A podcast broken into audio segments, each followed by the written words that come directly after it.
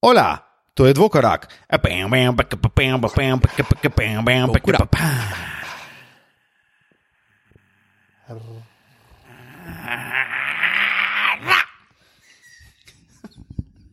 Kva mi delamo, stari, kva mi delamo, te majhne. Oh, dobrodošli. dobrodošli na Koroško ulico.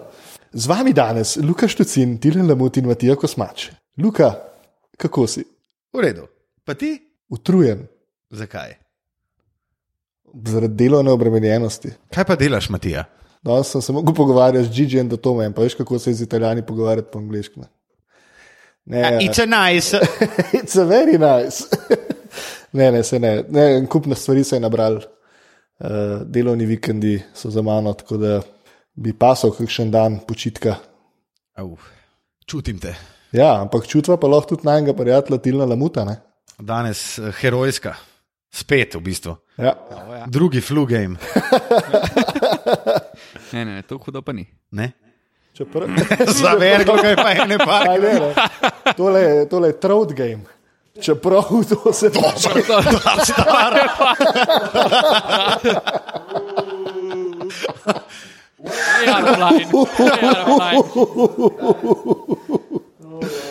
Okay.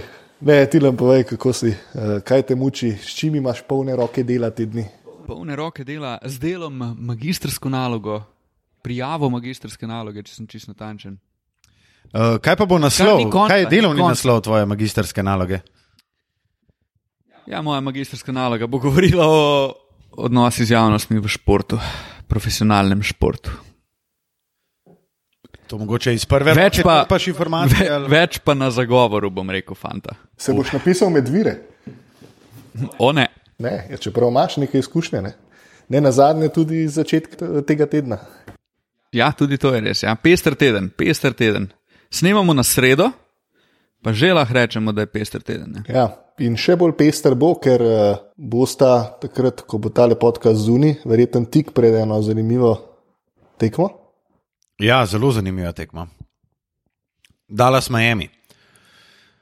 V noči iz četrtka na petek ob uh, pol enih zjutraj, Tilen Lamut, Luka Šecin, z vami, samo za vas. To bo v bistvu samo grevanje za nedeljsko tekmo. Ne? 21:30, nedelja. Ko bomo prestavili ure na poletni čas, bomo skupaj, Zaplesali pod obroči, Matija Kosmač, Luka Šecin, Dallas, Oklahoma. Se vidimo. Ja, pester teden, uh, čaka nas pa tudi en pester podcast, ki ga bomo tradicionalno začeli z sovražnim kotičkom, s katerim bo danes spe, za spremembo začel Luka Štuci. Za spremembo. Ja, v bistvu za spremembo. Mislim, da že nekaj časa Zadnjega sem začel. Pred zadnjega tudi. Ja, začel si, pa pa edin prav, da tudi danes. ja, sam res. Tradicionalno. Tradicionale, jaz bom začel svoj haterski kotiček. To je že tradicionalni osmi, Tako je. a prav štejem. Ja, osmi haterski kotiček.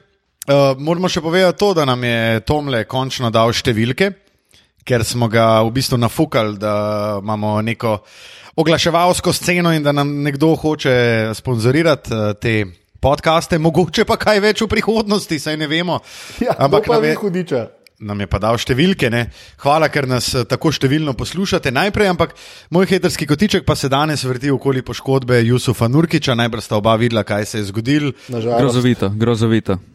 Sicer moram reči, da vsem, glede na to, da je imel štucne dogor, da je imel te pajkice, da ni bilo vsem videti tako hudo, recimo, kot pri Šonu Livingstonu, pri Polu Georgeu in tako naprej, pri teh zlomih, ki so vedno zelo neugodni. No, moj hejt kotiček pa najprej lahko gre temu, da tok hejtam to karmo, ki je zadela Jusufa Nurkiča. To je dobro igral, Portland je res se spet boril za prednost domačega igrišča in se v drugem podaljšku nekaj tasga zgodi. Res je imel zverinsko tekmo, če se ne motim, 36 pik, 16 skokov, 4 blokade. Ja, bolane cifre. Res bolane cifre in Še posebej pa, ker je iz uh, področja nekdanje skupne države, š, mogoče še malo uh, bolj za njega navijamo. In ker je igral za Zlatorok. CD-vita! A ni igral za CD-vito, Jule. Jaz vem, da je igral za Laško. No, No, ja, ja za Laško. Pol, pol, je, pol je igral za CD-vito. Pa je pa za CD-vito igral. A ja, točno, ja, preden je šel v NBA. Ne? V glavnem. Tale gospod uh, sodnik Tyler Ford me je pa najbolj razočaral, glede na to, kaj se je Jusufu zgodil, pa se razumem, da mogoče človek ne vidi, ampak če si sodnik, valjda vidiš, ko se nekdo zvija na tleh, v bolečinah se dere, vsi so slišali, kako je kost počela. Če si date slušalke gor ob tem posnetku, pa malo navijete zvok, se sliši, kako je počel. A, Tyler Ford, Ford ga pa lagano ušeta, direkt v Juletovo nogo. Ne? In še malo. Ne? In zdaj si morate vi predstavljati, kako je, da si ti prvo kot prvo odlomiš nogo, pote pa še en malo, ki gre malo čez tebe stopiti, te še malo brcne v nard, da ti ga še malo zavintla. In to mora biti nekaj najhujšega, kar se zgodi. Je pa, je pa mislim, vse bi bilo vse v redu, če bi model ugotovil, kaj je naredil, je pa pač nonšalantno od, od, od četov stran. Kot da se ni nič zgodil, videli pa smo, kakšna je bila reakcija, recimo D'Angela Rasla, Jareda Dudleya. Vsi, ki so videli, kaj je bilo, so začeli laufati stran. Uh, Damien Lillard je rekel, da mu je bilo slabo, ampak da je valjda, da je šel do svojega soigralca in ga skušal pobrati, potolažiti, kako koli. Sodnik je pa še to, še to, še to in nadijo, stari. Mislim, vse vem, da ni to mogoče najbolj tako mesen, um, haterski kotiček, ampak piš, da tega res ne narediš. No. Čeprav, po mojem, Nurki sploh ne ve, da se je to zgodilo. Ne? Mislim, to je ne zgleda lepo, res je nekulturno strani sodnika. Bi, pa tudi, če se on ne bi sploh tako hudo zlomil noge, pa če se nekdo zvija, nekaj ni kul, cool, pa tudi, če, če glumi na tleh, ga ne bo šel kar spotaknce ob njega ali karkoli. Ne? Ja, itak. Se strinjam, da verjeten v tem šoku sploh ni dojel, kaj se je zgodilo. Ampak, mislim, vse ti le sodniki v NBA-ju se res težko proslavijo s kakršno koli potezo. No?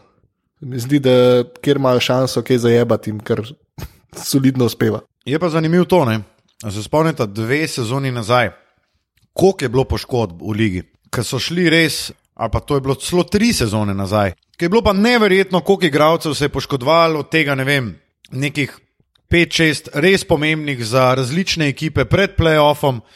Jaz se recimo spomnim. Takrat je bil Westbrook, ne? Westbrook, dobro, sam Westbrook se je v prvem krogu play-offa, no, ja. kaj je Beverly okay, v kolenu. Okay, ja, ja. um, spomnim se Mela, ki je bil takrat dejansko še faktor. Mislim, ful je bilo, itak se zdaj ne bom spomnil, ampak ful je bilo nekih poškodb. Ne? Ama ta vida mogoče kakšno rešitev, kako se izogniti temu, je to pač sam sestavni del tega. Jusuf Nurkič, zdaj ne vem iz glave, koliko je moj stratežek. Ne? Visok je čez 210 cm, ima pa, jaz bi rekel, vsaj 100 10 kil, ne uh, kašnih, starih, kar malo 130. Ja. Minimalno 130. In moj star je odigral let, v letošnji sezoni čez 70 tekem. 72? No, in ne vem, no, meni se zdi, da jih je pravzaprav še malo, glede na to, pod kakšno obremenitvijo so. In tleh spet pride vprašanje, to, kar smo se že pogovarjali, ali počivati igralce ali ne.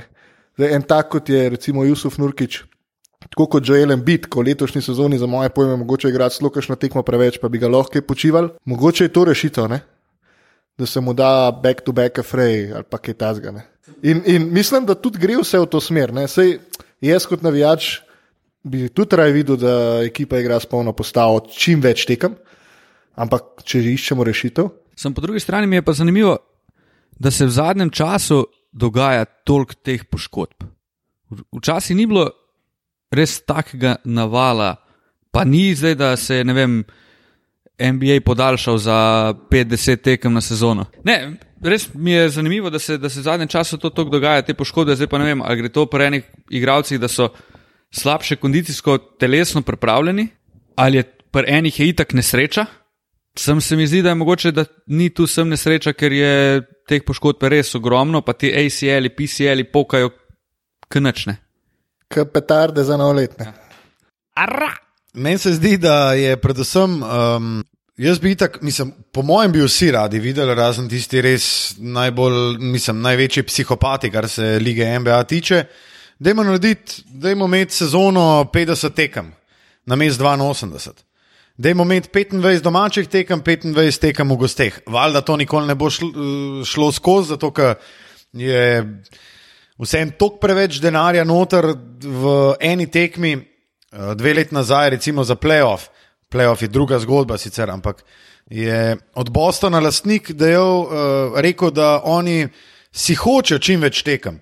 Oni hočejo sedmo tekmo iz čist poslovnega vidika, zato ker jim ena tekma v playoffu lige NBA prenese neto dobička 12 milijonov dolarjev. Kdo ne bi tega hotel? 12 mil, da ti kapne na račun z eno tekmo, če je sedma, je pa itak še toliko več, zato ker je oglaševalcev več, zato ker so televizijske pravice itak draže, zato ker nihče ne kup sedem tekem vnaprej, vsi kupijo, ne vem. Štiri in potem um, kupaš naprej, oziroma dokupuješ. Ne? Se mi pa zdi, mislim, meni bi se zdel super, da bi bila sezona dolga 50 tekem, ajde 60 mogoče. Ja, še zato, ker ne, z vsakim igraš. Ne, vidimo, vidimo to obrabo materijala, vidimo na koncu sezone, hočeš nočeš, fulje folka, ki se poškoduje. Ja, sem, ne moreš pa, ne moreš pa vzeti, ker to da, to, da se igra vsak dan tekma, da je vsak dan, da igra ekipa, ne vem, eno tekmo na vsaj tri dni, če ne ene back to back, ok, te back to back so res ne, to bi lahko čist dal stran. Ne? Če bi Ja, se dal- je prekratka, ampak ampak ne ne moreš pa- sezona. ne. Ja, ne Enostavno moreš pa reči, ne moreš pa reči, da bi. Jaz ne bi preveč krajšal, ker NBA je glih to, da se igra vsak dan, da imaš ti vsak dan highlighte, da se skozi dogaja. Ne? To je tudi en čar NBA-ja. Pa od nekde se igra na ta način. Sam ne. ti imaš 50, ti v sezoni lige NBA vidiš 1320 tekem. 1320. Je pa mater, da imaš ti vsak dan highlights, če imaš 700 tekem in ne 1320. Veš, kaj je to? Ja, Ok, sem imaš vsak dan dva highlights, ne? zdaj imaš pa 12. Ah, ne. Koliko jih pa Mislim, ne, sej, ne, A sej res ni. pogledaš Atlanta? Zdaj smo uh, čist zabredla, v, zdaj smo čist, ne, zdaj smo zabredla čist v napačno stvar. Vse se ne gre od tega, koliko jih pogledaš, ampak da je folko skozi zanimivo. Manj, manj se dogaja, več je tekem, več se dogaja, o več stvarih se lahko pogovarjaš, več imamo mi za diskutirati, čeprav zadnje cajt je beden NBA, ne? Ampak me razumeš, kaj ti čem povedati? Ne, ne razumem te. Zato, ker recimo Liga prvakov ima tekmo na dva tedna, pa, se, pa vsi govorimo o tem, v nogometu, ne. Dobro, sem to je pol spet nogomet, ne? Zdaj si predstavljaj, da ima NBA eno tekmo na 14 dni. Ali To se itak ne bo 14 dni. zgodilo, pa niti se ne pogovarjamo o tem, Tilan. Mi se pogovarjamo o tem, da bi sam skrajšali sezono, da, zato da bi imeli pač lahko normalno sezono, dolgo, vse en pol leta, ampak da ekipa odigra dve tekmi No, na jaz sem, teden. jaz sem bolj za to, da se sezona kot taka podaljša. Pa da se ne začne sezona 31. novembra ali 30. ampak da se začne, ne vem, konec septembra, pa imaš ti en mesec več, Pa se, se zdaj začenja sredo oktobra. Ja, Se no. to jo podaljša. pa naj se še podaljša. Mislim, zakaj, ne, ne razumem, zakaj se ne bi še podaljšala. Pa nisem, pa nisem proti temu, da, da se skrajša za 10-15 tekem. Sam ne bi je pa zdaj dal na 50. Ok, 60, se nima veze. Ja, vse 58 jih pride, ne, če vsak igra. Ja, vsak z vsakim dvakrat, ne? 58, super. In nimamo več divizij, to se pravi, Orlando z Miamijem ne igra štirikrat na sezono, kar je itak Se to je itak bedarija. ja. Itak. Ampak igra dvakrat pod Golden State, dvakrat pod Orlando, dvakrat pod Lakersom in je to to in je super. Domača povratna tekma, čau, 58 tekem, živijo. A pol se tudi podpišete, ker pol pridemo do tega sistema. Ne? Divizije so ravno zaradi tega, da je potovanj manj in so te razdalje krajše. Ne? A pol bi se tudi strinjali, recimo, da je v playoffu, um, da se znebimo vzhoda in zahoda, ker pol že pridemo do tega. Ne? Pol konc koncev konference nimajo več veze, ker konference, ekipe, ki so v istih konferencah, istih divizijah, igrajo večkrat med sabo. V tem primeru bi pač lahko igrali 1, 16, 2, 15 in tako naprej. Sej mislim, da je to dolgoročni načrt Adama Silverja. Ne? V zadnjih letih, ko je v bistvu Zahodna konferenca tako dominirala, je Adam Silver odkrito govoril o tem, da bo pač sistem 1 do 16. Ne glede na to, kdo je, zato ker, pazi, ti si imel na vzhodu ekipo, ki je bila v playoffu, na petem mestu, ki na zahodu ne bi prišla v playoff, ma niti slučajno ne. In to je pač ful prevelika razlika.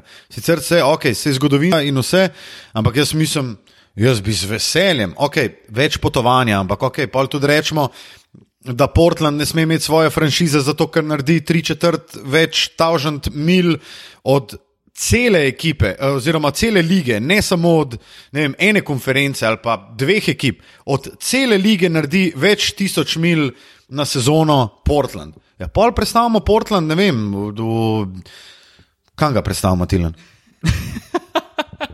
Ja, ne vem, v Seattle. Ne, Seattle je tudi predaleč, ne, severozahod ZDA. Dajmo pol predstaviti v Kentucky ali pa Kentucky. Severna Karolina, dobro, ok, tam je že Charlotte, dajmo predstaviti v San Diego, še peta, neka klošarska ekipa NBA. Kalifornijska. Pa- San Diego je imel ekipo. Ne? Pa že pol, pol lige na Sej, Kali- zmanjšaš uh, ure potovanja. Clippersi so bili v San Diego. Ne? Ja, ja. Res je. V redu, lej, mislim, da je to čist smiselno, ampak zaradi potovanj in vsega se mi zdi, da smo še daleč od tega, da pridemo do sistema od 1 do 16 v končnici. Um, in mislim, da to ni tako blizu, kot kar Adam Silver mogoče govori. Tudi, kar sem poslušal, res priznane ameriške novinarje, noben ne verjame, da se bo to zgodilo, sploh pa, da se bo to zgodilo kaj kmalo. Dobro, ampak ti si v bistvu en teden doma, ne? Se bomo zaključili s to debato, ampak ti si en teden doma, zato ker igraš dve tekmi, Liga NBA je zdaj naredila, ok, predvsem v finalu, da sta dve noči, to se pravi tri dnevi med dvema tekmama, da je dosta cajta za klimatizacijo, če potuješ iz vzhodne na zahodno oziroma obratno. Meni se zdi, da je en teden, da ti igraš, ne vem, en teden v New Yorku, pa potem potuješ, pa igraš drug teden, ker je dve, dve, ne. Ne vem, v Los Angelesu meni se to ne zdi tako velik problem. No? Ja, pa se tudi zaradi zmanjšanja števila tekem bi bilo posledično tudi manj, tek, manj potovanj. Ne?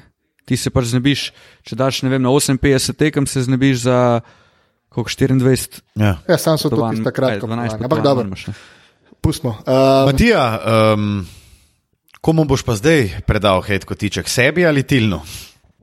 uh, ga bom tilnil. Je super, najlepša hvala, jaz sem pa en Kate kotiček eh, namenjen.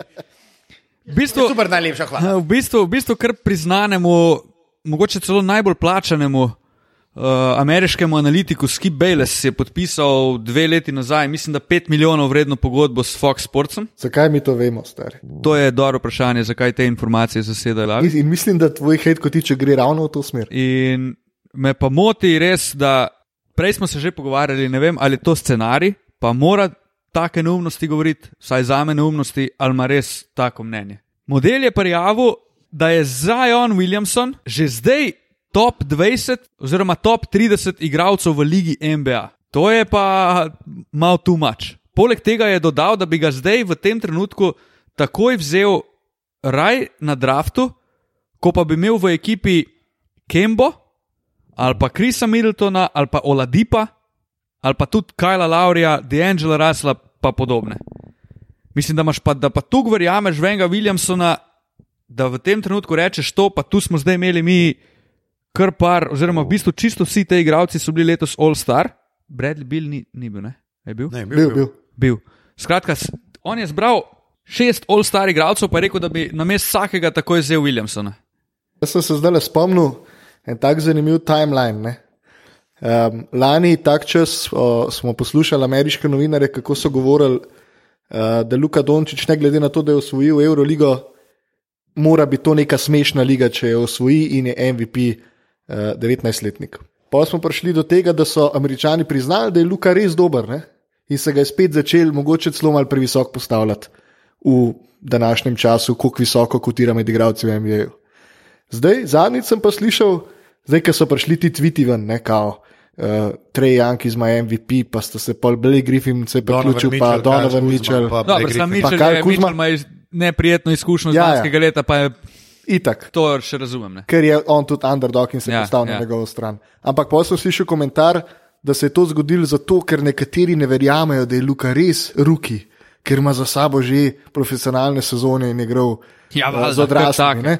In zdaj smo prišli ta polni krok ne, do današnjega dne, ko pa slišimo, da Zan Williamson, ker je američan, pa ni še nič usvojil, je pa boljši od uh, šestih pa- all-star igralcev. ne. Sej, v enem podkastu sem že rekel, da pač ne verjamem, da bo on dejansko v NBA tako dober, kot se ga ima zdaj za ne vem kakega talenta.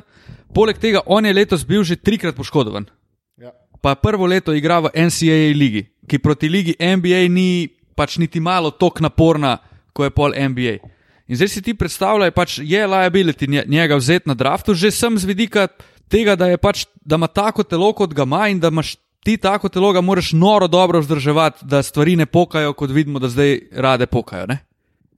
In tudi iz tega vidika ne moreš kar reči, da je tip top 20 v ligi.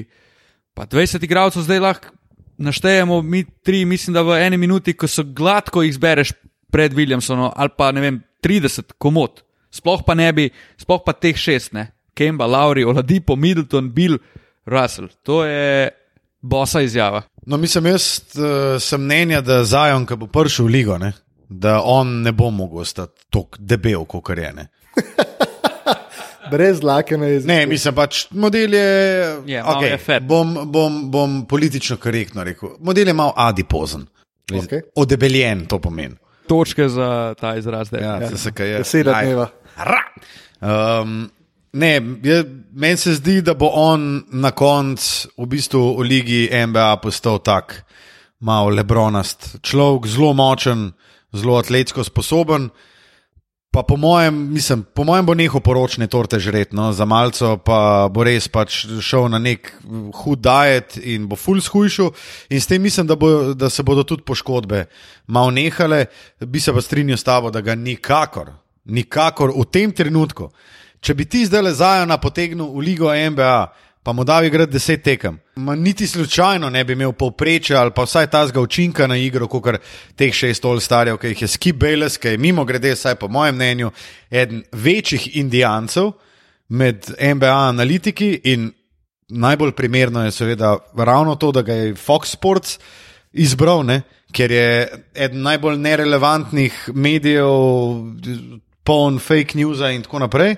In ne vem, nekega dvigovanja strahu za, za ljudi, se mi zdi, da je to perfekt fit za njega in perfekt fit tudi za njegove nebuloze in take najave, kot da je Zayn Williamson top 20 v tem trenutku. Ne, ta, ta izjava je bila res out of reach. Ja, no, ampak pol bo tudi zanimivo, če se to zgodi, bo tudi zanimivo. A Zajon pol še ima ta competitive edge pred, kon- pred konkurenco, če zgubi vse te kilograme, ki ga v bistvu delajo zdaj, Ja, mal neustavljivega na trenutke, ne, s svojimi njega atletskimi to- sposobnostmi. glih to ga dela posebnega. Ne?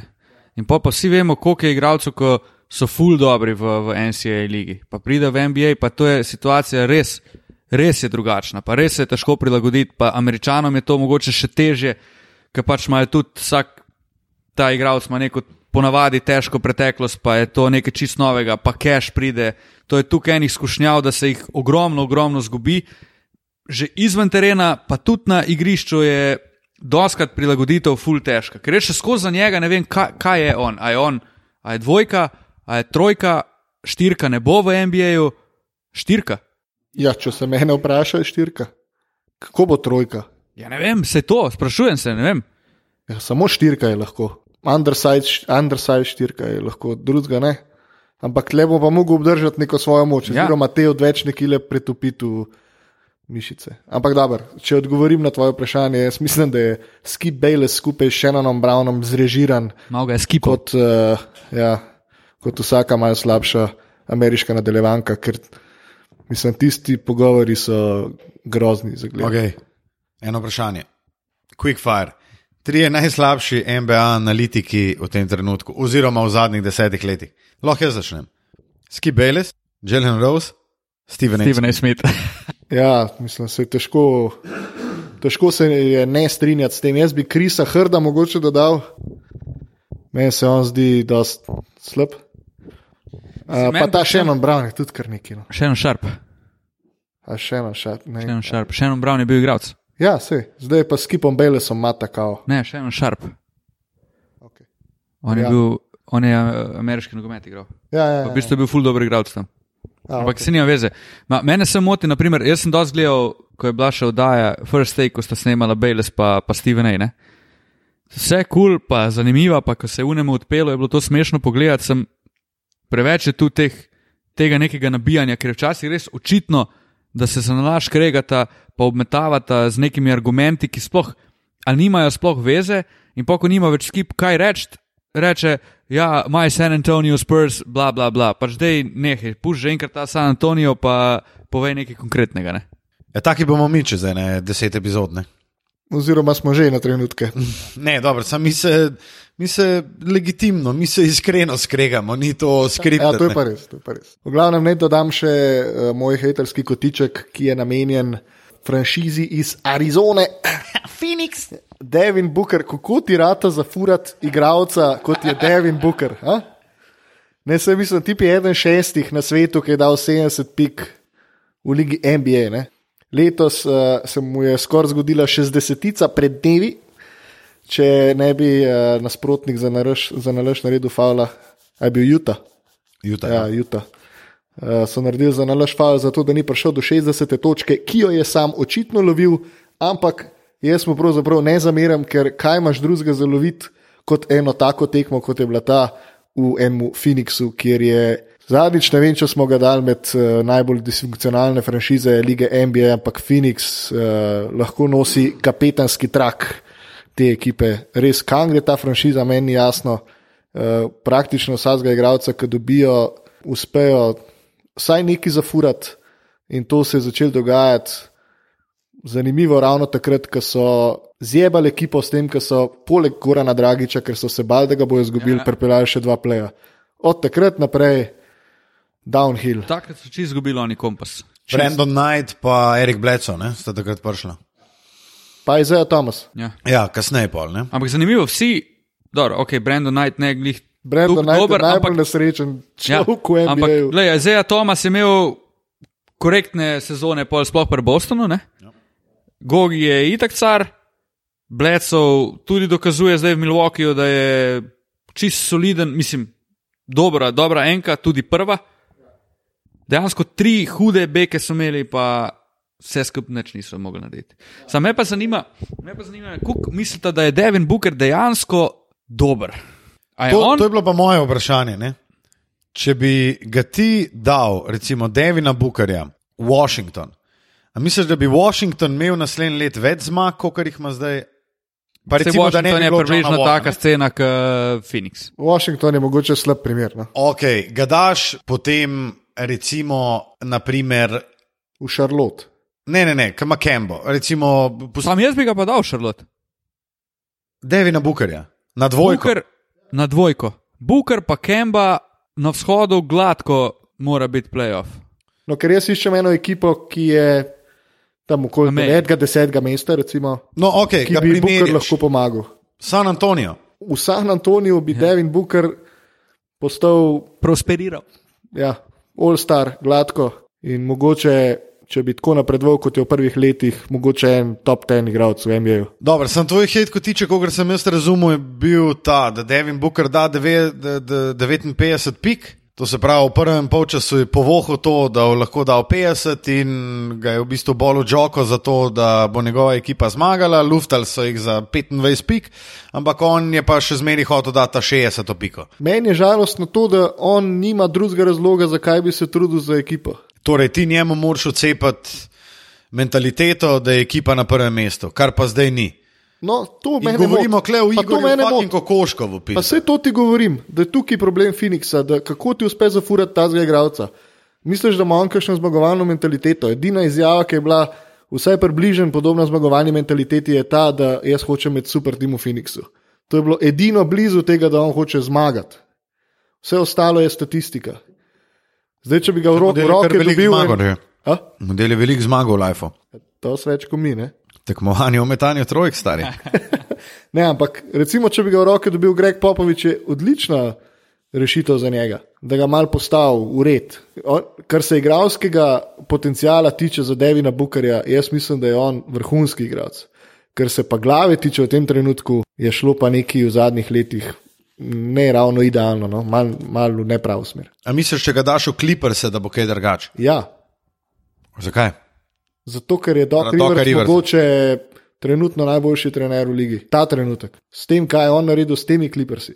Ja, to je res. Ne To, govorimo, Clippersi- doku, ne govorimo o Doku Riversu štiri leta nazaj, ker je imel pač uno ekipo, ki jo je mogel handlati, kot, kot jo je mogel.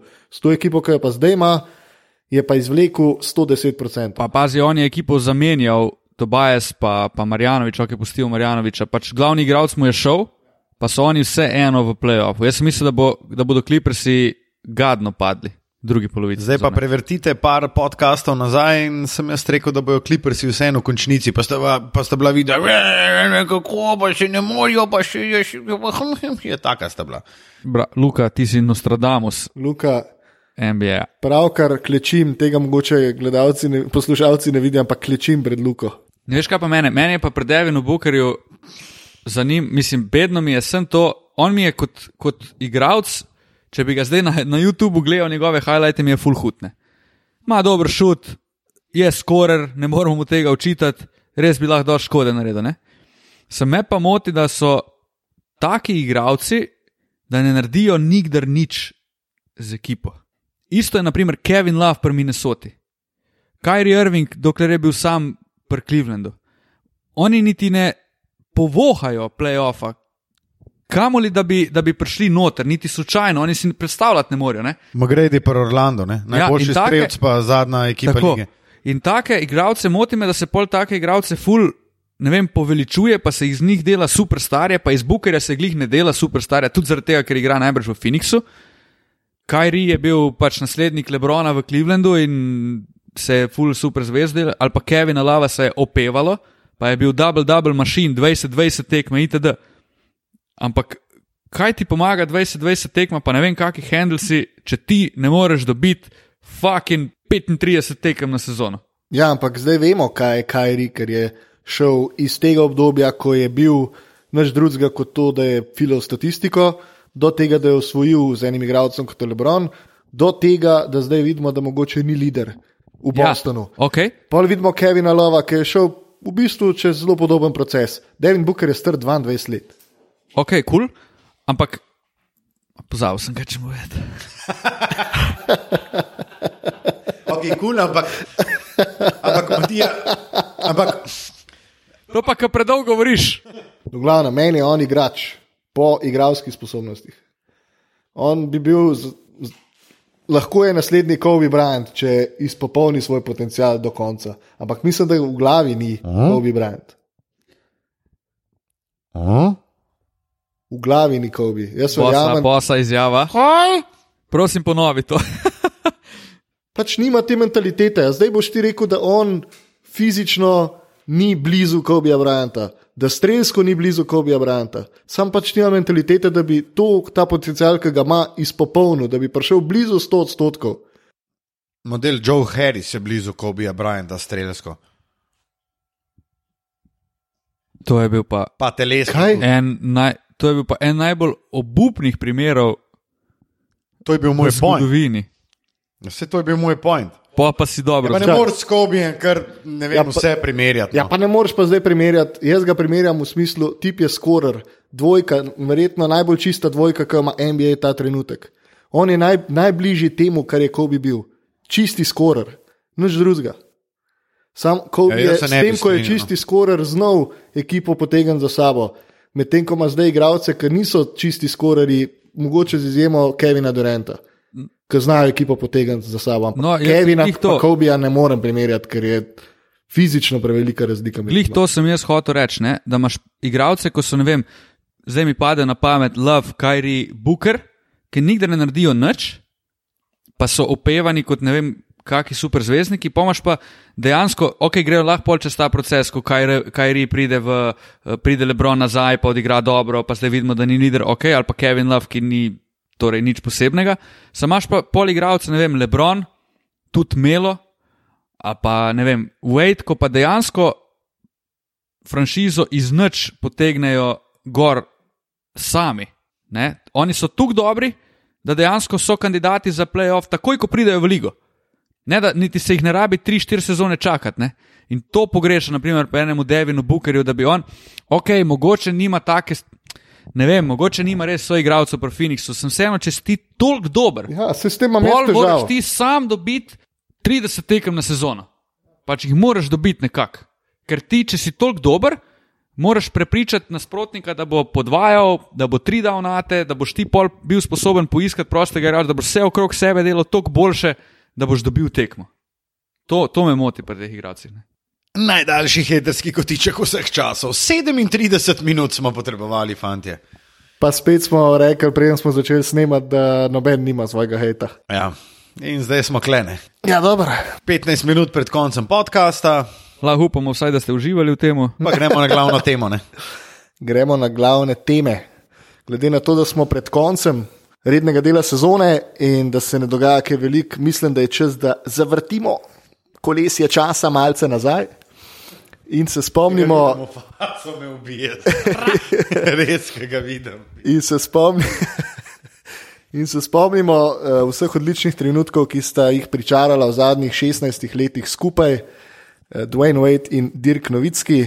Dirk je sicer v ligi že nekaj dlje časa, ampak uh, vsak ima za sabo vsaj en naslov lige NBA. In to je eno tako tiho rivalstvo, ki se ga sploh ni nikoli upevalo. Um, tudi ni bilo uvrščeno med največjih 50 rivalstv vseh Mislim, časov. 70. 70 rivalstv vseh časov v Ligi NBA. Eh, Sta pa konec koncev izoblikovala karieri en drugega, s tem, ko je Wade že v svoji tretji sezoni premagal Dirka leta 2006 eh, z Miamijem in ko je Dirk vrnil leta 2011 in mogoče je Dwayne Wade mal, eh, mal spucu glavo, no, ker se je takrat obnašal kot en šestletnik prepotenten eh, leta 2011, ko je osvojil Dirk naslov in se s tem zapisal med legende eh, lige NBA. Zdaj pa zanima, z vajne strani, sploh tilnovih odgovorov se veselim, ker vem, da bodo množični. Um, najljubši trenutek enega in drugega, ali pa po čem ste si najbolj zapomnili, po čem se vaju, vama je najbolj uh, vtisnil spomin eden ali drugi. Če lahko jaz začnem, jaz imam dirka v spominu najbolj po dveh dogodkih. En je ta kontinuiran in to je pač ta one-legged fadeaway, ki ga more nekdo patentirati, ker to je najbolj neobranljiv med, poleg hardnoga step-backa v zgodovini. To je, to je kip v Dallasu, če ni še, Ne, točno to. bo. To, Ja, bo, bo. To Bo mora sploh ni biti debate. neki, to je tok in ki ga novicki naredi. To zgleda nekaj najbolj zlomljenega, stari, kot da bi neka, mislim, kot da bi neka žirafa metala fadeaway. Ne? Intermeco, ko smo prej govorili o igralcih, ki naredijo ekipo boljšo, pa, pa dejansko naredijo rezultat. Novicki z Nemčijo, Ja, ok, itak, vanda, itak. kar povem. Um, no, druga, druga je, bil pa, je bil pa naslov prvaka in to, da Novicki ni skočil na nikogar, res sam pelo ekipo. Ok, Tyson Chandler je bil takrat res zverina v obrambi, ampak to si bom zapomnil, ker je bilo konc sajta in je šel v slčilnico, rekel: Jaz rabim par minut, potem ne, in pol pršel nazaj. To se mi je zdelo tako. On ni rabo biti v soju žarometov, ne. on ne rab, pa sorry, ampak on ne rab farewell tura, ne. on ne rab Kobe, Kobe like zadnje sezone, Dwayne zadnje sezone. Verjamem, da bo nek tak cirkus tudi recimo pri Lebronu Jamesu. On je meni tak, Tim Duncan, ki reče, no, da je upokojil se bom in pol da svojemu najboljšemu prijatelju, nekje na Barbadosu, ki sta skup na počitnicah, ki snema nek podcast, ki je tako relevanten, kot naš, ne?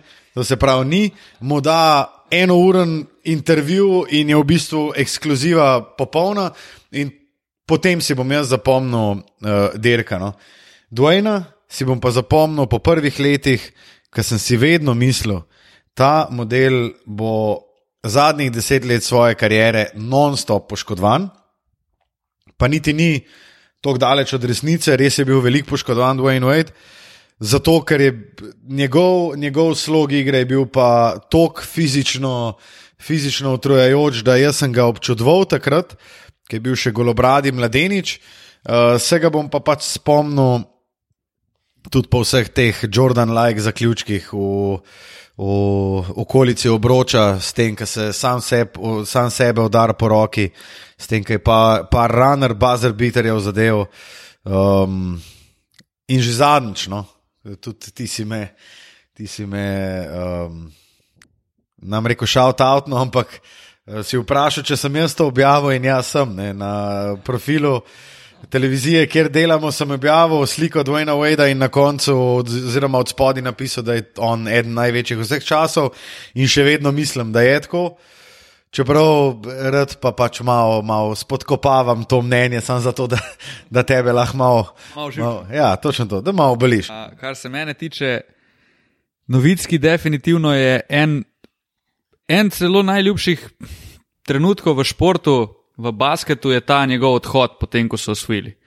To sem gledal živo, meni je bilo to, takrat sem si pa res mislil, model, kam ti greš, ti si pa tak šef, da, da groza. Ne? Da si pa tako skromen, da bi vsak, niti, tudi, tudi če bi bil najbolj skromen človek, ne verjamem, da bi dejansko imel tok v glavi, pa bi šel v sačilenco na samo. Bi pač bil na igrišču, pa bi ne vem. Se vlegel na tla ali pa šel na klop, pa dal roke nad glavo, se pokril z brisačo, razmislil sam pri sebi, par minut. Ne. Ampak on je dejansko šel v slačilnico. Ne. To, pa definitivno, pač ta cela serija, One Leg Fade Away, to so patentirane zadeve, ki že zdaj vidimo, kako se jih kopira od različnih igralcev, ki čejo biti isti kot on. Ne. In on je mogoče celo naj, najboljši evropejc, ever. Tu bi, po mojem, lahko bila Ja, debata hitro zaključena. Ne? ja. Zdaj gre pa ide z lukom ven, pa se ti sprost, lahko daš tudi hlače dol. ne, Model, ki je izvedel, kakšna bo tema, že trdga. ne za, za, dve naveda, za dve navedam pa zdaj iskreno priznal. To je pa, spremljam podrobneje ali pa spremljam NBA od kar sta so mojstri Lebron, Wade, Bosch, 2-3 Melo prišli v ligo. In takrat je bil Wade, sicer ni bil razumljen kot nek tak velik talent ali pa igralec, ki bi bil tajega kova, kot sta ne vem, Melo ali pa, ali pa Lebron. Ampak ne vem zakaj točno, bil mi je full všeč, njegov slog igre mi je bil nor in to je. Meni je Dwayne Wade zadnjih 16 let res največji šef v NBA-ju, obožujem Miami zaradi njega, po čem se ga bom pa najbolj spomnil, je pa po moje 2-6 serija, njegove uh, konvers copate, to, te so bile res hude. In pa pol, uh, v bistvu ene akcije se najbolj spomnim, ko je tekel izza bloka na trojko in je prebral obrambo in je šel sem en korak v levo, en dribling in se v skok šut iz pol razdalje dvignil, pa ga dal od table, fundamental basketball. Ne vem, zakaj se tega tako spomnim, pa je teh trenutkov pol full od Bazarbiterja proti Chicagu, najprej za podaljšek, pa pol za zmago, pa proti Detroitu, ko je vzel nas celo ekipo, pa je dobil serijo, bi lahko rekli, do cele te serije leta 2006, do tega, kako je pol z Lebronom bil v bistvu sposobnost, da se je vmaknil, pa da je dal Lebronu prostor, tudi ta sposobnost, da se je iz te serije 2-11 proti, proti Dallasu, sta se in on in Lebron je bila res ena taka vzgojna serija. Ne? In da sta bila pol sposobna priti nazaj, osvojiti dvakrat zapored, to niso enostavne zadeve. In meni je, meni je Wade res šef. Ko je on šel iz Miami, sem skoraj solza potočen. no. Ampak sem bil full vesel, pa ko je prišel nazaj. Ja, jaz se bom, uh, tle se bom mal pridružil in sicer mislim, da je Wade bil mogoče en največjih vplivov na kariero Lebrona Jamesa. Um, Lebron je točno vedel, zakaj gre v Miami, zato da se nauči uh, zmagovalne mentalitete, ki jo je Dwayne Wade usvojil v svoji tretji sezoni. Takrat šekom, šek je bil velika zvezda lige, Wade je bil tisti, ki jih je pripeljal do naslova. In to je jasno, ga dvignil med zvezde takoj. In takrat, ko sem ga jaz tudi začel malo bližje spremljati, ta njegov stil igranja se mi še zmeraj zdi unikaten. Tako kot ima unikaten one-legged fadeaway Dirk Novitski, je ta um, tekoč prodor Dwayna Wadea, pa menjava smeri. Ko gledamo zdaj Kembe Walkerje, uh, Stefa Curryja, Lillarda, Kajrija, ta sprememba, ki je praktično čist lateralna sprememba smeri. Wade je to delo v koraku po diagonali, z žogo čez igralca, res je bilo vse tako, tak flow je imel, ne? ko, ko, kot ko je na pod strugi reke šel v raketo noter. In poleg vsega, kot je Luka rekel, eden najboljših v zgodovini lige NBA pri zaključevanju akcij s kontaktom. Mogoče najboljši skupaj z Jordanom bloker na branilskem položaju. Um, jaz sem si ga po tem njegovem stilu igre najbolj zapomnil. Pa me je, sorry, me je tudi ta klač džin. ne. On, on, njega ni bilo strah zaključiti tekmo. On je res doskrat v karieri odločil tekmo v zadnji sekundi, pa tudi ta njegov step back, pa pump fake, pa pol koš pod faulom. Je Konec koncev bil nekaj takega, kar je. Ja, dosti je imel old koncev school potez. game, ne. Ker mogoče ga je v lih v zadnjih letih, mogoče bi mu lahko daljšo in še uspešnejšo kariero, um, če bi, igral, če bi začel igrati deset let prej, ker se je to igro, na to igro več stavil, pol distanca, um, ena na ena. To, kar on zdaj počne v Miami, in ga včasih ful težko gledamo, ker je pač star in nima več teh atletskih sposobnosti. Čeprav jaz bi pa gledal dol, ne? če bi zbiral Carter, Novitski, Wade, za koga bi si mislili, da bi lahko odigral recimo še dve sezoni? Jaz bi prvega rekel za Wade. Novitski in tako mi, model komi živi, če smo čisto Ja, ja. iskreni. Model je, model je na aparatih, po mojem, ja, po vsaki Wade tekmi. je, Wade je najmlajši. Ne? Ok, ja, ampak On, da pride do novice, da mora Recimo- še tri sezone. Dejansko, jaz bom to rekel. Wade bi, po moje, na, najdlje največ vpliva lahko imel. Ker novicki dejansko na tekmo več ne more kaj dosti vplivati. Razen, ko je tekma bast, pa pač jih da par trojk, jih zadene. Ne? Podobno tudi za Carterja, po moje, velja, ker dejansko ne more nekih visokih minut več odigrati. Wade pa dejansko lahko še vpliva na potek tekme. Kar se pa, kjer jaz Vinsa Carterja fulcenam. On se je sposoben potegniti nazaj, pa igrati vlogo petega moža na igrišču, kar Wade ne vem, če je sposoben narediti. In zato jaz še zmeraj mislim, da v eni resni ekipi je Carter lahko igral do 41 leta, pa bo mogoče še do a je že 42. Pa bo mogoče še leto ali pa dve potegnil, ker ni tudi sam rekel, kdaj bi rad zaključil. Zato ga vidim, da lahko igra vlogo v taki ekipi, ki ima resne aspiracije po nekem uspehu. Wade si tukaj težje predstavljam, ker ima ta agent, kot si rekel. On hoče dobiti tekmo.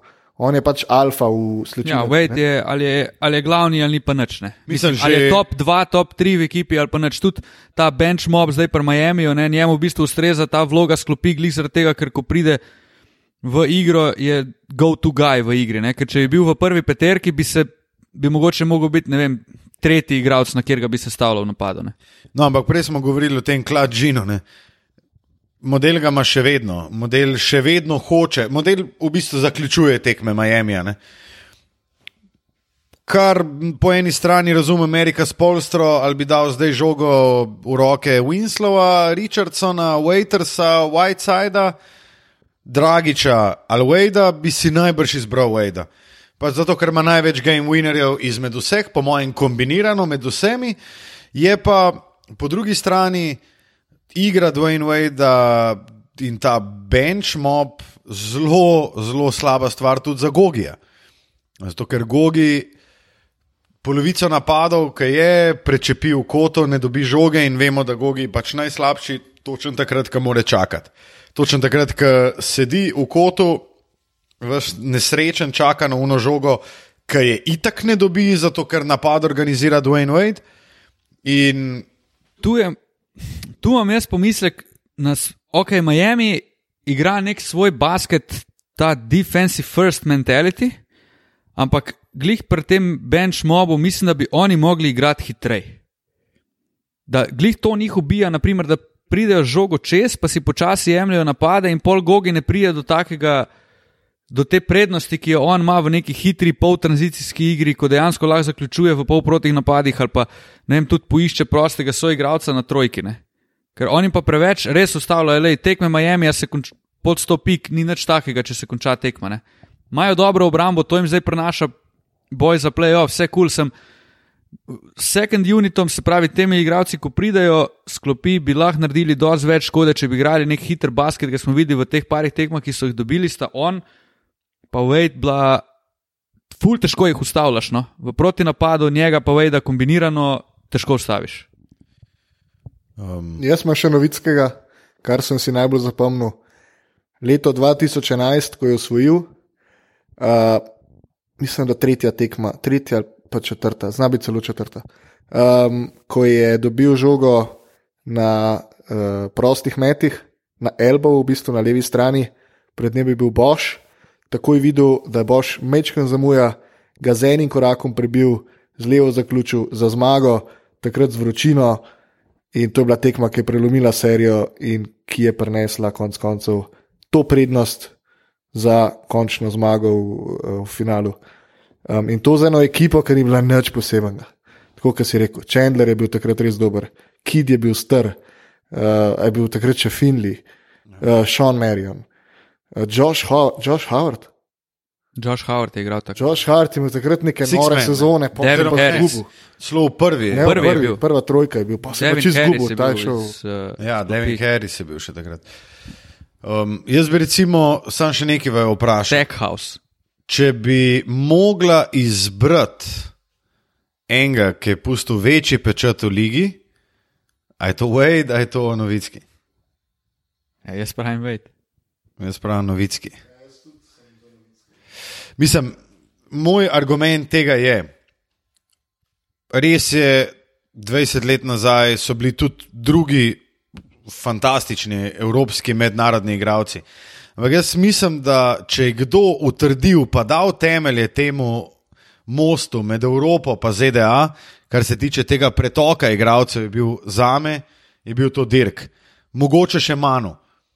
Ampak, ok, Manu pač z Južno Ameriko, ampak pač, Ja, ja. ko govorimo o international igralcih. Ne, Ker je bil Dirk v ligi, je bilo 10 odstotkov igralcev je bilo izven meja Združenih držav Amerike, ko govorimo pač o poreklu oziroma rojenih.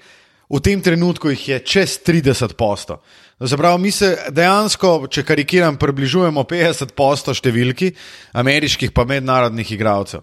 Jaz mislim, da je bil Dirk Novicki tako velik razlog za to, da se je liga NBA razvila v to smer, zato da zdaj lahko nekdo, ki pride iz Evrope, da ni več, recimo, tako kot je bil dražen. Ki ni igral, dokler ni prišel do pravega trenerja, ki mu, ki mu je verjel, ki mu je zaupal. Jaz mislim, da je bil Dirk Novicki tok, tok fucking velik most med tem in da je demonstriral to od recimo temu tretje sezone svoje naprej, ker je res začel igrati, ker je res bil temelj Dalasa. In obenem je pokazal tudi to, koliko je nekdo, ki je tok zvest, kot nemški očar, pa je ful izrabljena fraza in tako naprej. Ne?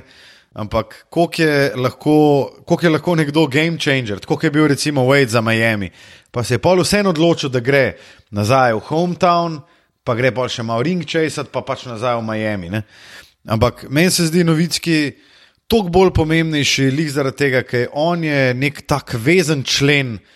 Jaz mislim, da Donka ne bi bil smatran za Donko, kot je, če ne bi bilo novickega. No. In to meni pove veliko in mi da. In mi da stisne, ful večji pečat. Ja, jaz sem, na, primer, no. na, na novickega mi je, ok, se to je tudi Wade je vzel manj keša. Zaradi tega, da so lahko imeli ekipo tako, kot so imeli, pa parkrat je podaljševal za eno leto, pa je skozi vzel manj, pa bi dejansko lahko lovil nek supermax, bla, bla, bla, pa ga ni.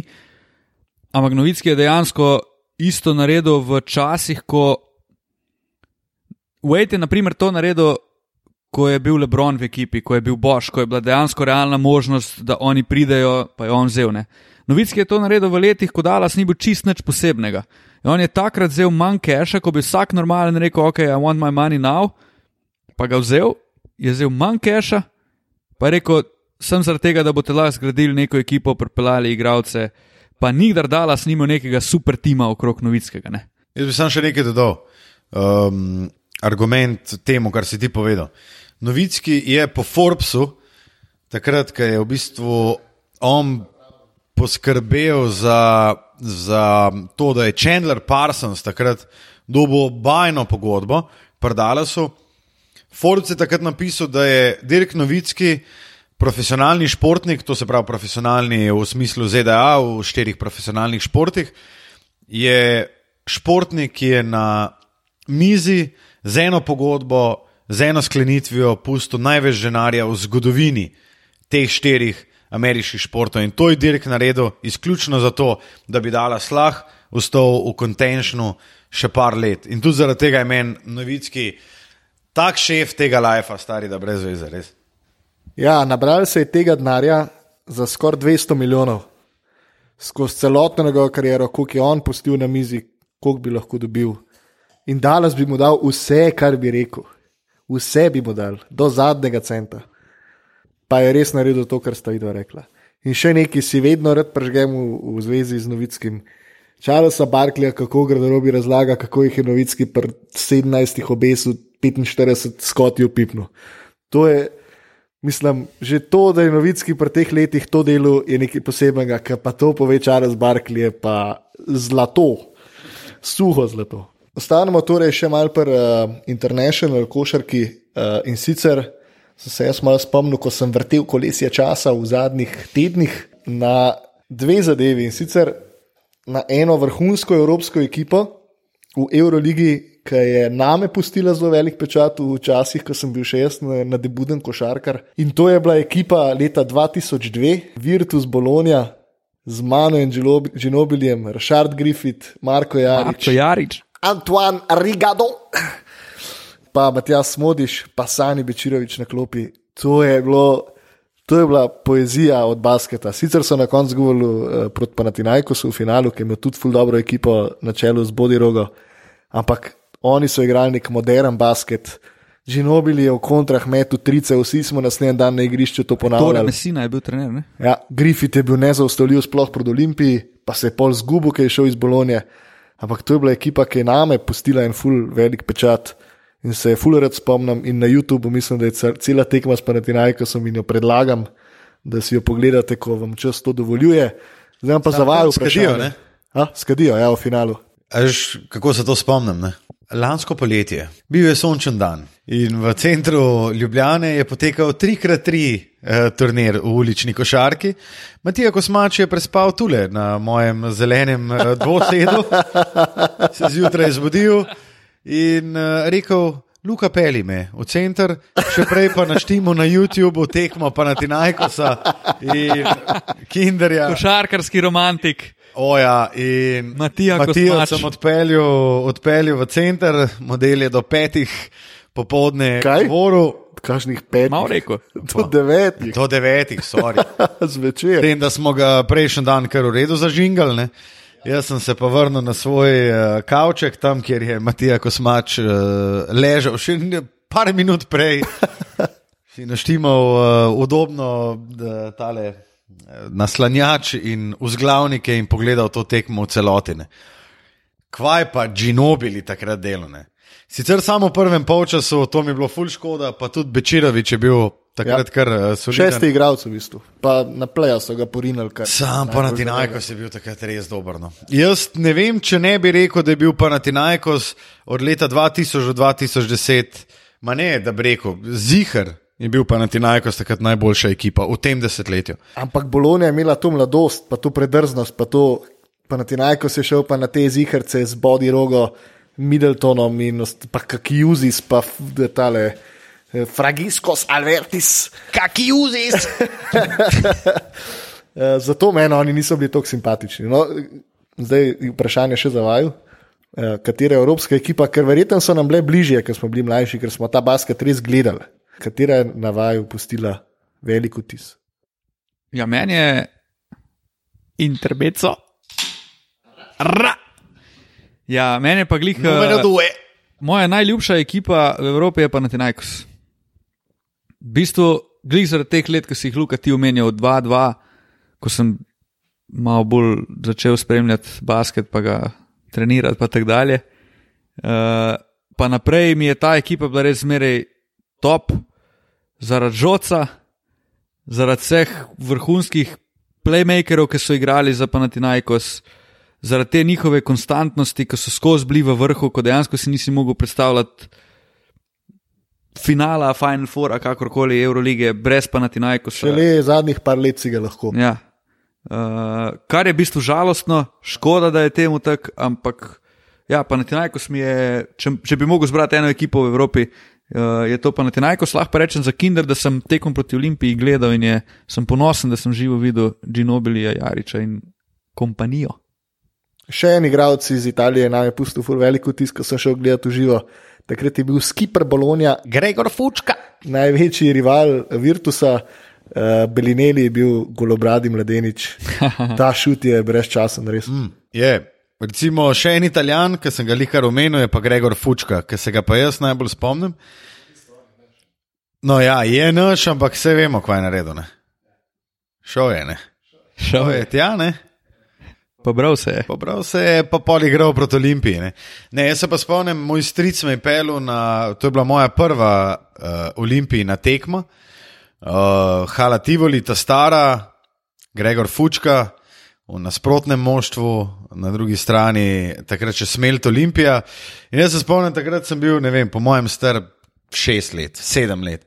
In jaz sem stal na stolu in se drl skupaj z Dragon, si jebi se fučka, jebi se fučka.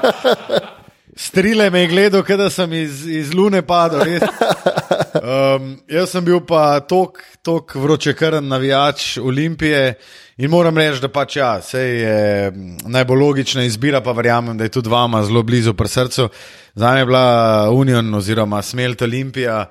Um, ne smemo pozabiti, da so dali 16 NBA igralcev iz Olimpije ven. Ne ne sam Miliča, ne sam Dragiča, Nesterovič, Udrih, Jasikevič, Rudež, Brezec, Stepanija, teh je noro velik. Ne? In to, da se je nam odvijalo to pred očmi, je nekaj neverjetnega. Bil sem tam, ko smo se drli, jebi se fučka. Uh, bil sem na tribunah v uni sezoni, ko smo dobili ta ogres v finalu, sicer ok, ni bilo to doma, ampak sem takrat bil tam. Uh, ne, pa, če gremo par let naprej, oziroma par deset let naprej, bil sem tam kaj prepelic zadev, uno trico za zmago. Sem bil v prvi vrsti zraven, jale, jale, ta stari Zoran Jankovič. In so oba ne, isto skočila, usral se mi je, da sem, da sem prišel dol, nekaj sem varnostnika nategnil, pa mi izpustil zraven. Um, res, res mi je noro. No? In meni je, jaz še zmeraj moram reči, da Olimpija, Olimpija je še daleč, daleč moj najljubši košarkarski klub. No? Ne glede na to, kaj se dogaja zdaj, pa da nisem že dve sezoni praktično ene tekme pogledal. No, moja prva tekma je bila Olimpija Kinder, ta kompanija. Veš kaj, iz Bele krajine je dolga pot v Ljubljano. No, ampak če bi Čirovič igral za Olimpijo, je bilo to res, to je bilo noro. Za Bele je, je bil pa res. No, mm. Čirovič je bil tak šef in pol je šel ravno v Kinderne in ga je. Se je zgodila poškodba, pa trener ga takrat. To je ena večjih poškodb igrati. Takrat se je zgodila kar velika smola, sanjiv, ker bi verjeten Verjetno bi poharil, ne samo v Evropi, verjetno bi tudi v NBA. Jaz pravim, da bi bil Sani brez poškodb top 5 shooting guardov vseh cajtov iz, izven meja Združenih držav. A ni Sani en tak Devin Booker? Ne, ni stari. Sani je pa. Po stilu, tok, stari. Sani je pa toliko bolj inteligenten, kot ja, Devin Booker. Okay, itak, Če ampak, pa on hotel najti tega svojega igralca, kaj sale najde. Ja, stari. ampak on je bil tak skoraj dvojka, klasična dvojka, skoraj ni nobenega dvome, ki, dvoma, kjer opozicijo igra. Dal ga je, sam imel je še to več, da je bil res. Je, on je imel. Asist je imel, tako klik, no look pass je imel, ja. ki ga ni imel noben v Evropi, pa vprašanje, če ga ima danes. Ne, Bečirovič je bil no, no, bil nor. On je bil tak šef. Sani, Sani bi bil, ja, top 5 vseh cajtov iz Evrope, oziroma izven meja ZDA, če ne bi, če ne bi imel 100 šivov plus ne, na kolenih. No, kolena, pa, pa še denarja ni bilo, več preboloni, pa je šlo vse skupaj počasi. Ja. Down the drain je šel, uh, pa smo zaključili krok iz Olimpije v Virtus, pa pa na Tinajko s po Euroligo. Ja. Okay, uh, ker smo že klubsko košarko obdelali, pa da imamo še reprezentančno. Katera je pa reprezentančna postava, ki je na vaju pustila dober vtis, ali pa sta si jo najbolj zapomnila, pa je lahko tudi konec koncev to ZDA, nima veze. Ne, a gremo, a gremo tako, da kao izbiramo najboljše evropske igralce, pa se stavi ekipo, ali prav dotična reprezentanca. Dajmo najprej sam reprezentanco, ki si se res zapomnil. Pa ni nujno evropska, internacionalna reprezentanca. Ja, dobro, jaz tu life nam pozabil Dream Team. Ne? Nam pozabil niti Dream Team dvojke, ker sem bil v Dominikanski republiki in tam je lovil ESPN. In jaz, ki sem In to smo bili direkt med olimpijskimi igrami, in jaz, ki sem gledal tam še kaj, ki ga je kucel, ki se je delo norca, to je bilo meni noro. Uh, isto 92, Takrat sem v bistvu začel NBA gledati in da začneš NBA gledati, pa ti ga Michael Jole začne kucati, pa Charles Barkley, najboljši strelc Dream Teama, pa John Stockton, ki ti pokaže, kaj je ta pravi basket, takrat, ko se ga začneš učiti. Drugač pa slovenska reprezentanca. Ne. Mm, predvsem je ja, pač tam z Nesterovičem, Bečirovičem, Ožboltom, Nahbarjem. Škoda, da ta repka ni naredila kaj več. Ne. Ja, res. Mi smo dobili Evropsko prvenstvo z enih desetkrat slabše reprezentance, kot smo jo imeli. No, offense, tu Dragič, Dončić in kompanija, ampak tisto je bilo pa. Na vsakem da. položaju smo imeli dva taka igrača. da Ti je si imel štiri. NBA-jevce v reprezentanci. Ja. To, tega Francija ni imela takrat. Res. Sam ne vem, kaj se, je takrat, kaj se je takrat zgodilo, da ni šlo to nikdar naprej. Ne? Ali ni bilo uigrano na pravi način, ali ne. Jaz mislim, Škoda, da ni no. bilo ta pravega pleja. Škoda. Težko bi rekel, kaj šlo na robe. Ja. Mogoče kemija ni bila prava, neki, neki, neki izmanjkali vidno. Šel meni je uh, reprezentanca, ki se jo, sem si jo fulmi je Grčija, ki je zmagala Ameriko. To je bila repka, ki je dokazala, v bistvu, takrat je bil to ekstremen šok. Ne? To je bila ta Grčija, ki je Slovenija vsak prvi polčas Ja. ja. hodila, pa na koncu Tako. spafala za 20. Ne. Ampak je, ampak je tudi. To, to je Ja, bil na primer, stari. spet en element. No, čeprav enkrat smo ga fafali lepo v zadnji Oh, četrtini. ne. Alicante. Uh, Ja. to, to je bila spet ena taka prelomnica, ne? evropski in ameriški basket. Ker se je dobilo to Ameriko, Grčija, ki jih ni, nihče ni sploh računal na njih. Američani so bili fiks, da bodo dobili, pa pa šok, kako smo lahko izgubili. Pa takrat, ok, je bila ameriška reprezentanca v krizi, smo še skozi. To so bili igralci, ki bi vsaj na papirju mogli dobiti kogarkoli v Evropi takrat. Ne? Uh, tako to je bil tudi en tak pomemben trenutek v mednarodnem basketu, ki je Pa na Jotis Janakis je bil v tistem obdobju trener, ne? on jih je full dobro vodil. The Dragon. Ja. Tem, da so Grki pol te reprezentance pol vlekli še desetletne. No, name, jaz sem pa v bistvu, zakaj sem se spomnil na to tematiko, ker sem dva tedna nazaj gledal neke posnetke, so dale olimpijske igre na YouTubu ven. Um, in je posnetek iz leta 2004, ko je spet eh, meni ljubi Manu Ginobili podaril sicer najslabšo ameriško reprezentanco vseh časov na olimpijskih igrah, ampak Un basket od Argentine je bil tako lep za gledati. Mm. Manu je dal 29 pik iz 13 šutov. Gladko je bil najboljši igralec na parketu, pa je mogoče naredil 20 driblingov celo tekmo. Mislim, res poezija za gledati. Ja, tako da, ja, on, uh, Nosioni, Skola. uh, A, ja. ja, Oberto, Montekija na pleju. Mislim, res, res mi je bila ta reprezentanca full všeč in takrat sem bil full fan, mano, ja, no se sem še dan danes. Zdaj pa dajmo to, kar si ti še dodal. Pet igralcev iz Evrope, Evropa ali izven ZDA. lahko tudi izven ZDA. Dajmo, dajmo skupaj sestaviti. Dajmo skupaj sestaviti. Okay, mislim, da petka je jasna. Hakim. Ja, Če gremo, a gremo okay. Evropa ali ZDA? Ne, mislim, gremo, izven ZDA. gremo izven ZDA. Okay, Hakim na petki 100 posto. dvojka je Okej. tudi jasna, ne? Mano. Mano, Manu Štirka dvojka, je tudi jasna. Dirk. Dirk. Dirk. Play. Jaz bi dal Steva Neša, Uh, Bravo. Kanada. bravo, bravo, bravo. bravo. Jaz- Kanada. Ki ga da. O, ja. Ja, jaz, uh, kje podpišem tole? Tako je, Steve Nash, valjda. Ja. ja, pa pa rabimo samo še še trojko. trojko Pa. Boris Dio. Čeprav jaz imam velik respekt do Dio. Jaz Ja, vsega moram- imamo vsi. res, šef. Model je v ruki sezoni preskočil vse stari v zadnji Bos- sezoni, komika počina naredil. na Stari. Draft combine, pa je preskočil vse V papučih. v papučah, pa je pol šel nazaj v sočilnico. Tako, na kapučinčič. Ja. V zadnjih desetih sezonah si- mu dal pa vikend od spodaj ali pa delo stari, pa je bilo preveč, pa ni mogel, pa se je spotaknil.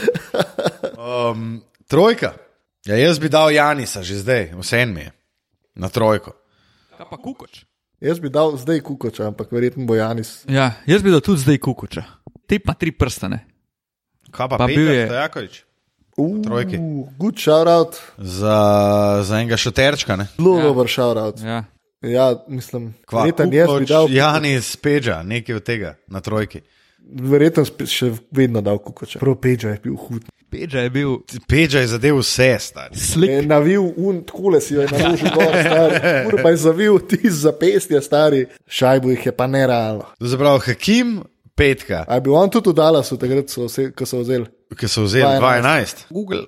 Peča pa ni. As ne, sem res takrat, to je bilo bil, pa že prepozno, stari. Ne, kurba, le ki je bil noter, stari. Je bil, ne? Ja, 2011 je bil Dallas, stari. Kvata, vidim, meni govorila, stari. NBA Champion 2011, stari. Ja, kva, Peča, Kukoč ali Janis na trojki. Ja, jaz bi dal kukoče. Jaz bi dal Janisa. Pa dober. Pa dobro, stari, ker Kukoča noter. Ne, se kuko, Kule je bil res legendica, stari. Mislim, ok, sej, mislim, koliko mi poznamo razne Oskarje, Šmite, razne. Niko Ja, se to je- gali, to je se, uh, hotel sem reči, Kecmanovič, uh, Kičanoviče, Dalipagiče in tako naprej. Pač tega mi ne poznamo, to naši starci dobro poznajo. Oziroma starejši ljubitelji košarke to poznajo. Mi si lahko gledamo te tekme, ampak nikoli ne vemo, kakšen je bil hype za temi svetovnimi prvenstvi. Kakšen je bil hype leta 78, ko so omanili um, usvojili naslov svetovnega prvaka. Mi ne vemo, kako so dali Pagič, Deli Bašič in te. Čanovič. Čosič in te igrali. Pač to mi lahko sam slišimo te romantične zgodbe. Ampak jaz verjamem, da bomo čez 30 let o Goranu Dragiču poslušali take romantične zgodbe. Ja, o sej, pa vsak ima, vsak ima uno svoje, uno svoje obdobje, ki ga najbolj spremlja, ki ga najbolj označi in pač pol to fura večino life, pa so te igravci za njega najboljši. Ne? Jaz pa mislim, da smo počasi prišli do konca našega podcasta, ki bo rekordno dolg. Rekordno dolg, Več kot temu, da smo vsi tarnali, da se nimamo o čem pogovarjati, da je NBA malo beden, ampak Ful se malo družimo v zadnjem času, pa mislim, da smo malo rabili. Ja, ja, res Ja, smo ja, ja. rabili, ja. ja, ja. Um, ne, se mi pa zdi tudi to, da mislim, vse bi lahko po um, Novickiju pa Wadeu v bistvu končali, pa smo šli naprej, zato ker vas imamo radi. Ker vemo, da radi poslušate. Številke pravijo tako. Uh, lepo zdrav, uh, se slišimo naslednji teden. Še vedno teden. Um, Matija, odpeli nas domov. Luka, Tilen, kje se vaju najde? Ne, jaz bi sam nekaj povedal. Ne. V naslednjih tednih in mesecih se da zgoditi, da nas boste lahko videli tudi živo. In takrat, valjda, vsi vabljeni v našo družbo, glede na to, da ste poslušali tok cajta podcasta in da ste zdaj na koncu. Pa pomeni, da ste ta pravi fani in da boste tudi z nami takrat, ko bomo v živo, več pa v naslednjih podcastih, mogoče tam des, okoli desetke že povemo kaj več. No, mene se najde na Facebooku. na Facebooku, Twitterju in Instagramu. Če vtipkate Matija Kosmač, bo zihar ven vrgel. Ja, jaz bi pa še rekel, da smo nekako se zaobljubili, da bomo uh, med playoffom enkrat tedensko naredili. Ne? Playoff se približuje, s tem pa tudi več obveznosti za nas. Facebook, Twitter in Instagram. Tira nam od vabljeni. Lukaš Ocin na vseh uh, družabnih omrežjih, Družbenih. uh, družabnih se reče. Mislim, na RTV pravijo družabna, no ne družbena. Oboje je prav. Uh, ja, mislim, da je to to, Matija, še zadnja misel, tako kot v zadnjem podkastu, morda. Hvala. In nasvidenje. In adijo. Do prihodnič. Absolutno.